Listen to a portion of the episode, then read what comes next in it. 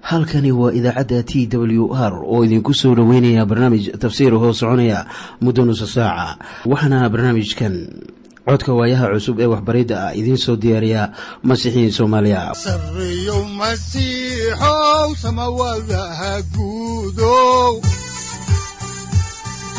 Siraadkii adduunkow subanaha eebow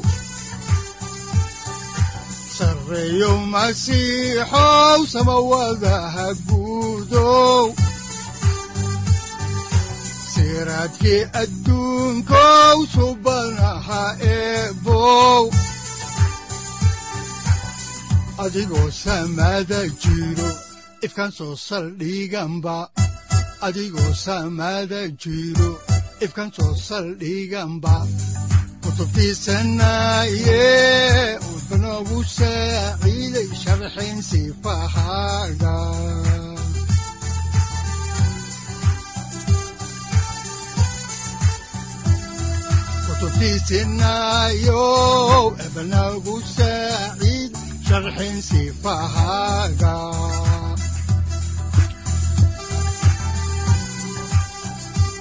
ku soo dhowaada dhegaystayaal barnaamijkeenna dhammaantiinba waxaan horay u sii ambaqaadi doonnaa daraasaadkii la magac baxay baibalka dhammaantii. Waxaannu caawa horay idinku sii wadi doonnaa cutubka toddoba iyo tobanaad. Haddaba mawduucyada cutubkani uu ka kooban yahay waxa ay kala yihiin kow. Israa'iil oo gunuusaysa. Markan waxay doonayaan in biyo laga siiyo rafediin ilaah oo muuse u soo diraya xooreeb si uu biyo uga keeno dhagaxa saddex haaruun iyo xuuro oo qabanaya gacmihii muuse oo israa'iilna waxay ka adkaadeen reer camaaliq afar muuse oo jehova nisi u dhisaya meel allabari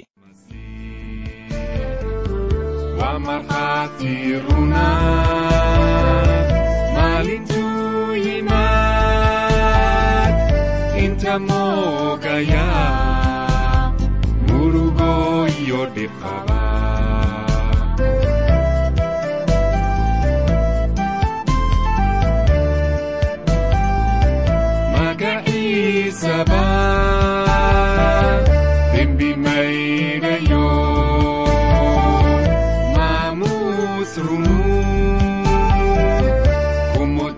kumutaystay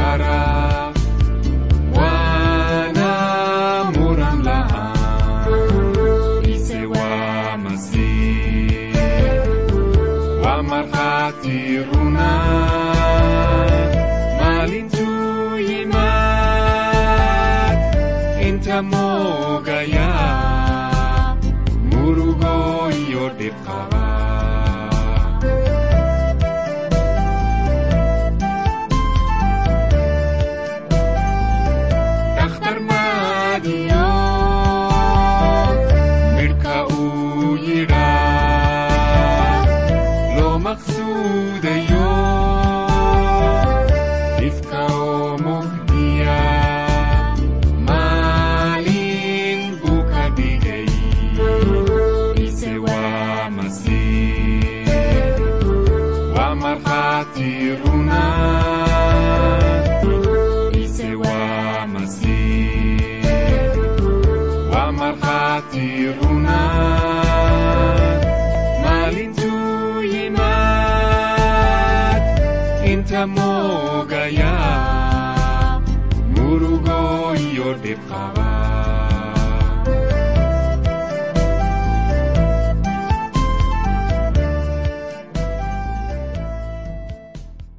waxaan idiin xusuusinnay in wax waliba ee dunidan laga isticmaalo ay ku qornaayeen kitaabkan baibalka.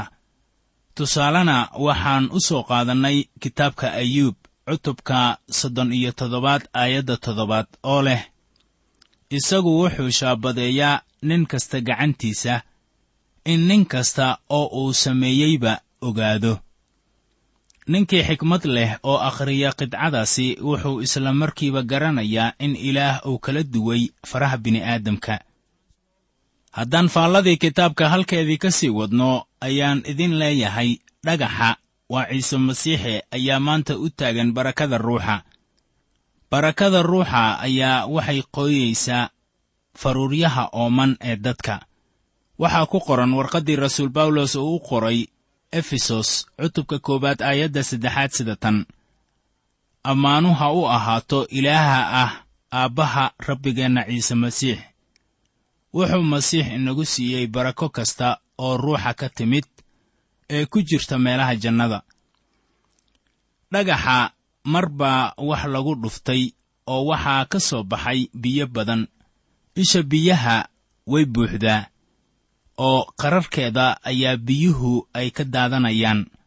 Duniduna awood uma lahan ay ku xakamayso. Laakiin iyadoo taasu ay jirto ayaa haddana waxaa jiray nafsadda dadka oo la habeeyey iyo dad carrabkoodii la qooyey. Malaayiin dad ah ayaa waxay u dhimanayaan biyaha ruuxa.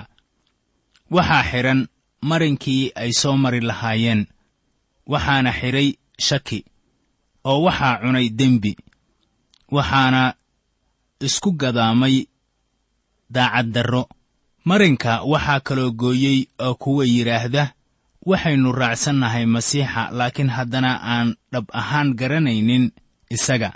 Haddaba saaxiib waan wareersanahay oo aan ka qoomamoodaa xaalkaas. Mar waliba oo aan eego ama aan ka fikiro dunida way harraadsan tahay. Waxaanan idin weyddiisanayaa shakhsi ahaan. Miyaad weligiin tagteen halka dhagaxaasi biyaha ay ka socdaani u yaallo? Idinkoo doonaya biyaha nool.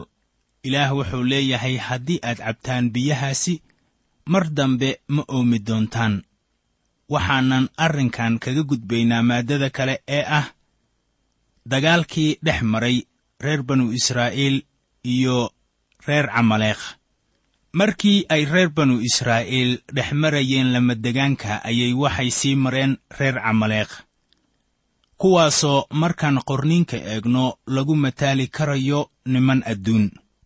Khibraddan ayaa haddana waxay noqonaysaa cashar kale oo inoo wanaagsan inaan baranno. Waxaa qoran markaasaa waxaa yimid reer camaleekh oo wuxuu reer banu israa'iil kula diriray refadiim reer camaleekh waxay ka soo farcameen ceesow. Ceesow waxa weeye sawir u taagan jidhka reer camaleekhna waxay noqdeen cadowga israa'iil. Weligood waxay ahaayeen cadowga israa'iil. Markii ugu horraysay carruurtii israa'iil dagaal bay haatan galayaan. Haddaan qisada idiin akhrinno kitaabka baxniinta ayaan haatan eegaynaa cutubka toddoba iyo tobanaad aayadaha siddeed ilaa toban. Waxayna odhanayaan sida tan. Markaasaa waxaa yimid reer camaleekh oo wuxuu reer banu israa'iil kula diriray refadiim markaasaa muuse wuxuu yeshuuca ku yidhi rag inoo dooro oo la bax oo reer camaleekh la dirir berrito waxaan istaagi doonnaa buurta dusheeda anigoo gacanta ku haysta ushii ilaah. Kolkaasaa yeshuuca uu yeelay sidii muuse uu ku yidhi oo wuxuu la diriray reer camaleekh markaasaa muuse iyo haaruun iyo xuur waxay koreen ilaa buurta dusheedii. Ciise wuxuu ahaa sawir u taagan jidhka maadaama ayan israa'iil ka adkaan karin reer camaleekh marka awooddooda la eego ayaynaan innaguba kaga adkaan karaynin awoodda jidhka doonisteenna. Dagaalka jidhka iyo ruuxa ka dhexeeya sida uu ku fasiray bawlos bal aynu ka eegno warqaddii rasuul bawlos uu u qoray dadka galatiya cutubka shanaad aayadda toddoba iyo tobanaad. Waxay odhanaysaa sida tan waayo damaca jidhku waa ka gees ruuxa ruuxuna waa ka gees jidhka maxaa yeelay kuwanu waa kala gees si aydnaan u samayn waxyaalaha doonaysaan. Kanina waa sawirka aynu ku arkayno cidlada marka israa'iil iyo reer camaleekh ay dagaalamayaan. Haddaan dib ugu noqonno kitaabkii labaad ee muuse oo la yidhaahdo baxniintii ayaa waxaa ku qoran cutubka toddoba iyo tobanaad aayadaha kow iyo toban ilaa laba iyo toban sida tan oo markii muuse gacanta dejiyeyna waxaa adkaaday reer camaaliq laakiinse muuse gacmihiisu way cuslaayeen. Kolkaasay waxay soo qaadeen dhagax oo muuse u saldhigeen isna kolkaasuu ku fadhiistay. Haaruun iyo xuurna gacmihiisii bay sare u hayeen. Intuu midba dhinac ka maray oo gacmihiisiina way xoogeeyeen ilaa ay qorraxdii dhacday. Markaan u fiirsanno waxaan arkaynaa in dagaalkan laga waday buurta korkeeda waxaana lagu dagaalamayey salaad iyo baryo ilaah. Dagaalkan awoodda reer banu israa'iil aawadeed laguma guulaysanin waayo iyagu ma ahayn ciidamo khibrad u leh dagaalka oo welibana wax dagaal ah horay uma ayan arag. Dagaalkan wuxuu ahaa in muuse uu galo. Waxaana ku guulaystay muuse. Isla daqiiqaddii muuse uu awoodi waayey inuu gacmihiisii kor u hayo ayaa reer banu israa'iil ay bilaabeen inay dib u gurtaan. Haddaannu ahayn muuse israa'iil waa looga adkaan lahaa dagaalkaas. Waxa ay tahay imaanka lagu hayo ayaa ah in ruuxa quduuska ah uu yahay kan keliya ee guul inaga siin karaya jidhka guusha waxay timaadaa marka ninka ilaah uu ku socdo ruuxa haddii aniga iyo adiga aynu u soconno sida kuwa ka xoroobay ruuxa jidhku si fudud buu inooga adkaanayaa. Markii muuse gacantiisii kor loo qaaday ayaa israa'iiliyiintu ay guulaysteen aniga iyo adiga waxaannu awoodi doonnaa inaan is-hortaagno jidhka waase ruuxa ilaah waxa sidaas samayn karayaa haddaan mar kale dib ugu noqonno xigashada ayaa waxaa ku qoran cutubka toddoba iyo tobanaad aayadaha saddex iyo toban ilaa afar iyo toban sida tan. Oo yeshuucana seef afkeed buu ku jejebiyey reer camaaleeq iyo dadkiisiiba. Markaasaa rabbigu wuxuu muuse ku yidhi waxaan buug ka qor si loo xusuusto oo yeshuuca dhegihiisa maqashi waayo xusuusta reer camaaleq lagu xusuusan jiray ayaan inta samada ka hoosaysa oo dhan ka baabi'inaya. Haatan waxaa habboon inaan wax yar hakanno oo aan isweydinno ninkan yeshuuca ah. Yeshuuca waa kan beddelaya muuse. Waxaan arki karaynaa in loo diyaarinayo jegadan isagu waa qof caadi ah laakiin ilaah baa u diyaarinaya hawshaas hor taalla isaga. Ilaah wuxuu muuse ku amray inuu maqashiiyo dhegaha yeshuuca in reer camaaliq la baabi'in doono. Haatan ilaah wuxuu doonayaa inuu ka takhalluso jidhka ilaah baa taas mahad ku leh. Markii sayidku uu samada geeyo kiniisadda wuu soo beddelayaa sida ku qoran warqaddii koowaad ee korintos cutubka shan iyo tobanaad aayadda konton iyo labaad.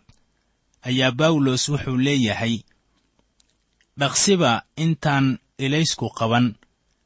Markii buunka ugu dambeeya la yeeriyo buunku waa dhawaaqi doonaa oo kuwii dhintayna qurun la'aan baa la sara kicin doonaa waana layna beddeli doonaa haddii sayidka uu qaado kiniisadda oo uu geeyo samada iyadoo ah sida ay haatan tahay oo aan isbeddelin samadu waxay noqonaysaa sida dunidanu ay tahay. Waayo waxaannu meel waliba ku qarribaynaa dabeecaddeenii hore. Waxaan dabeecadahayagii hore xambaarsanaa oo ay i daba socdeen sannado badan. Waxaan jeclaa inaan ka takhalluso waanan isku dayey inaan gebigeedba ka tirtiro maskaxdayda laakiin way soo baxaysay had iyo goorba. Waxaa mahad leh ilaah oo ballanqaaday inuu dabeecadaheennii hore ee xumaa beddelayo. Kuwa leh masiixana maalin bay beddeli doonaan oo waxay noqon doonaan kuwa istaahila in samada la geeyo haddaan xigashada kitaabka baxniintii dib ugu noqonno ayaa waxaa ku qoran cutubka toddoba iyo tobanaad aayadaha shan iyo toban ilaa lix iyo toban sida tan. Markaasaa muuse wuxuu dhisay meel allabari oo magaceedii wuxuu u bixiyey yehowah nasi oo wuxuu yidhi rabbigu waa dhaartay oo rabbigu wuu la dagaalami doonaa reer camaaliq ka'ab ka'ab. Ilaah wuxuu yidhi dagaal baa inaga dhexayn doona reer camaaliq ka'ab ka'ab tan ugu muhiimsan waxa weeye dagaalka joogtada ah ee soconaya marka aynu ku noolnahay nolosha jidhka jidhka iyo ruuxa dagaal baa ka dhexeeya ruuxa quduuska ah ee ilaah ayaa na siin karaya guul aan ka gaarno la dagaalanka jidhka ama damacyada sharka ah ee inagu jira waxaanse u baahannahay inaan garanno xaqiiqadaas ah inay jiraan damacyo shar ah oo inagu jira. Dhegaystayaal waxaynu soo gaarnay iminkana aaraahda cutubka siddeed iyo tobanaad. Cutubkan siddeed iyo tobanaad ayaan soo gaarnay dhammaadka toddobadii marxaladood ee reer banu israa'iil ay kala kulmeen masar iyo buur siinay ilaah wuxuu u hoggaaminayey muuse si toos ah laakiin muuse haatan wuxuu u soo leexday xigmadda dadka isagoo caawimaad weyddiisanaya dadka. Intii uu ilaah weyddiisan lahaa muuqaal iyo waxyi. Iminkana aynu eegno maaddada ah booqashadii yetro oo ahaa muuse sodogiis yetro oo ahaa wadaadkii reer midyan baa soo booqday muuse wuxuu muuse u keenay xaaskiisii iyo carruurtiisii markii uu muuse u yimid ayaa waxaa halkaasi jiray wakhti farxadeed. Waxaana laga yaabaa inaad tidhaahdo waxaa dhacaya xaflad isku imaatinka qoyska ah. Haddaan markii ugu horraysay idiin bilowno xigashada cutubkan siddeed iyo tobanaad ee kitaabka baxniintii ayaa waxaa ku qoran aayadaha kow ilaa afar sida tan haddaba wadaadkii midyan oo yatro ahaa muusena sodog u ahaa ayaa wuxuu maqlay kulli wixii rabbigu uu u sameeyey muuse iyo dadkiisii reer banu israa'iil. Iyo sidii rabbigu reer banu israa'iil uu uga soo bixiyey dalkii masar. Markaasaa yetro oo muuse sodog u ahaa ayaa wuxuu soo kaxeeyey naagtii muuse oo ahayd sifora. Markuu iska diray dabadeed iyadii iyo labadeedii wiilba oo midkood magiciisu wuxuu ahaa garshuum waayo wuxuu yidhi qariib baan ku ahaa dal qallaad midka kale magiciisuna wuxuu ahaa eliceser waayo wuxuu yidhi ilaahii aabbahay baa i caawiyey oo wuxuu iga samata bixiyey seeftii fircoon.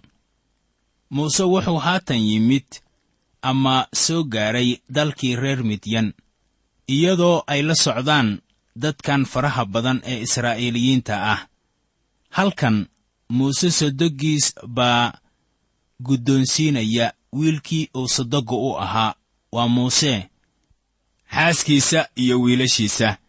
Sida abbaarta ah markii ay aadeen masar oo ay la soo gudboonaatay marxaladdii keentay inay ugu yeerto ninkii dhiiggayga ayuu gurigii aabbaheed u diray. Markaas ama xilli wax yar ka dambeeyey. Ma jirin wax muujinaya inay joogtay waddanka masar xilligii baxniintu ay dhacaysay.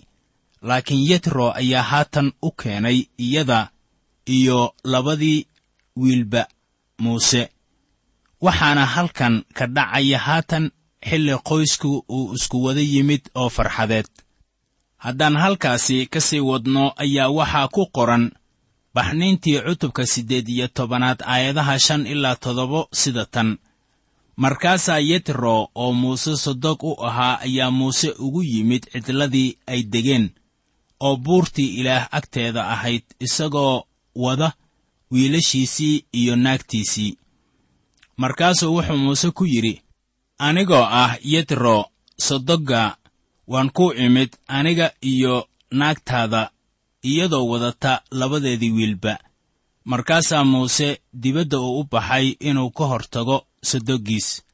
Kolkaasuu u sujuuday oo dhunkaday. Markaasaa intay iswaraysteen ayay teendhadii soo galeen. Waa wax xiise leh markaad eegto xidhiirka wacan ee ka dhexeeyey muuse iyo sodoggiisa yetro waxay u muuqataa inay lahaayeen xidhiir sokeeye oo midho dhaliyey xaqiiqdii. Muuse wuxuu u sheegay wax kasta ee ilaah uu sameeyey markii uu reer banu israa'iil ka soo wadayey dalka masar. Yetro ayaa aad u xiisaynayey wax walba ee uu muuse u sheegayo bilxaqiiqa markii muuse uu u baxay inuu soo dhoweeyo qoyskiisa ayaa laynoo sheegay inuu aad u marxabeeyey sodoggiis laakiin waxba lagama odhanin naagtiisii. Qidcadan waxba ka odhan mayso ama inoo sheegi mayso in muuse uu ku farxay inuu arko labadiisii wiil ama naagtiisa toona. Waxaanay taasu sii adkaynaysaa wixii aynu horay u go'aansannay ee ahayd in xidhiirka muuse iyo qoyskiisa ka dhexeeyey aanu hagaagsanayn. Haddaan dib ugu soo noqonno kitaabka ayaan haatan eegaynaa kitaabka baxniinta cutubka siddeed iyo tobanaad aayadaha siddeed ilaa laba iyo toban oo leh markaasaa muuse wuxuu sodoggiis u sheegay kulli wixii rabbigu uu ku sameeyey fircoon iyo masriyiintii oo uu ugu sameeyey reer banu israa'iil aawadood iyo wixii dhib iyaga ku dhacay oo dhan intay soo socdeen iyo sidii rabbigu uu uga samato bixiyey. Markaasaa yetro uu ku farxay kulli wanaaggii rabbigu reer banu israa'iil u sameeyey oo dhan iyo bixinta uu ka soo samato bixiyey gacantii masriyiinta. Markaasaa yetro wuxuu yidhi ammaan waxaa leh rabbigii idinka soo samato bixiyey gacantii misriyiinta iyo gacantii fircoon oo kaasu waa kii dadka ka soo samato bixiyey gacantii masriyiinta hoosteeda. Oo haatan anigu waan ogahay in rabbigu uu ka wada weyn yahay ilaahyada oo dhan waayo waxyaalihii ay kula macaamiloodeen iyagoo kibirsan aawadeed isagaa ka sarreeyey markaasaa yetro oo muuse sodog u ahaa ayaa wuxuu qaaday qurbaan la gubo iyo allabaryo markaasaa waxaa yimid haaruun iyo waayeelladii reer banu israa'iil oo dhan inay ilaah hortiisa kibis kula cunaan muuse sodoggiis yetro waxaa laga yaabaa inaannu ku qanacsanayn muuse markii uu lahaa isagoo jooga dhulkii reer midyan. Waxaan doonayaa inaan reer banu israa'iil soo samata bixiyo oo aan ka qaado culaabta addoonsiga masriyiinta. Waxaan hubaa inuu yetro u sheegay derisyadiisii garan maayo waxa ku dhacay inanka qaba gabadhayda. Arrin weyn buu wataa oo waxay la tahay in ilaah uu ugu yeedhay inuu israa'iil ka soo wado dalka masar. Ilama ahan in ilaahiisii sidaas uu u samaynayo. Waa hagaag ilaah sidaas buu muuse u sameeyey taasaana keentay yetro inuu garto ilaaha wax badbaadiya. Waxaana tanu ay ku caddahay xaqaa'iqa sheegaya in yetro qurbaan uu u bixiyey ilaah. Haatanna aynu eegno maaddada ah yetro oo waana ka siinaya muuse in xaakinna badan uu sameeyo oo muusena wuu yeelay haddaan halkaasi ka sii wadna xigashada kitaabka baxniintii ayaa waxaa ku qoran cutubka siddeed iyo tobanaad aayadaha saddex iyo toban ilaa siddeed iyo toban sida tan. Markaasaa waxaa maalintii dambe dhacday in muuse uu u fadhiistay inuu dadkii u kala garnoqo dadkiina waxay muuse ag taagnaayeen subaxdii ilaa maqhribkii oo muuse sodoggiis markuu arkay wixii uu dadkii ku sameeyey oo dhan ayuu yidhi waa maxay waxaan aad dadka ku samaynaysaa oo maxaad keliga u fadhidaa dadka oo dhammuna ku agtaagan yahay subaxda ilaa maqhribka markaasaa muuse sodoggiis uu ku yidhi maxaa yeelay dadku waxay iigu yimaadaan inay ilaah wax iga weyddiiyaan oo markay wax isu haystaanna anigay ii yimaadaan oo markaasaan u kala garnaqaa nin iyo deriskiisa oo waxaan iyaga ogaysiiyaa amarrada ilaah iyo qaynuunnadiisa. Markaasaa muuse sodoggiis wuxuu isaga ku yidhi war waxaad samaysaa ma wanaagsana. Waayo hubaal waad ku daali doontaa adiga iyo dadka kula joogaaba. Maxaa yeelay waxaanu waa kugu culus yihiin adiga oo ma aad awooddid inaad keli ahaanta samayso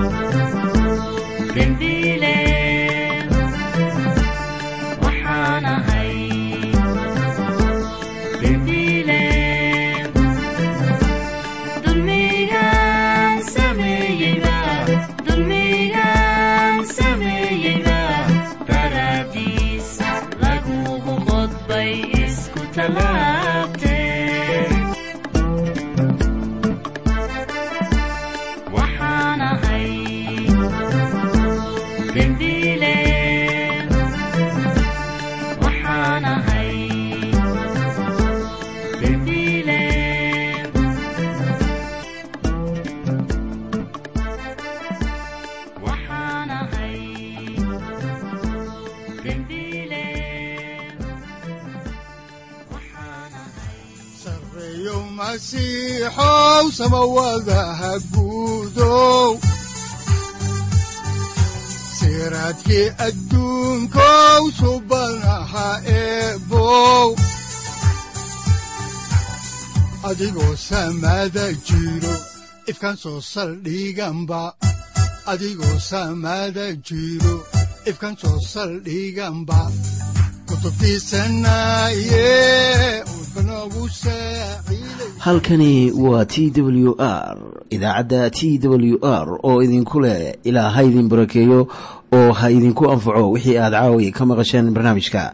Waxaa barnaamijkan oo kalea aad ka maqli doontaan habeen dambe hadahan oo kale haddiise aad doonaysaan in aad fikirkiina ka dhiibataan wixii aad caawi maqasheen ayaad nagala soo xiriiri kartaan som t w r at t w r c o k e haddii aad doonaysaan in aad dejiisataan oo kaydsataan barnaamijka ama aad mar kale dhegaysataan fadlan mar kale booqo www t w r o r g amase waxaad teleefoonkaaga ku kaydsataa ama ku download garaysataa agabyada ku sahli karaa dhegeysiga t w r haddii aad doonayso in laga kaalmeeyo dhinacyada fahamka kitaabka amase aad u baahan tahay duco fadlan fariimahaaga soo mari bogga aaraahda ama kommentska inana jawaab degdeg ah ayaanu ku soo diri doonaa amase ku siin doonaaye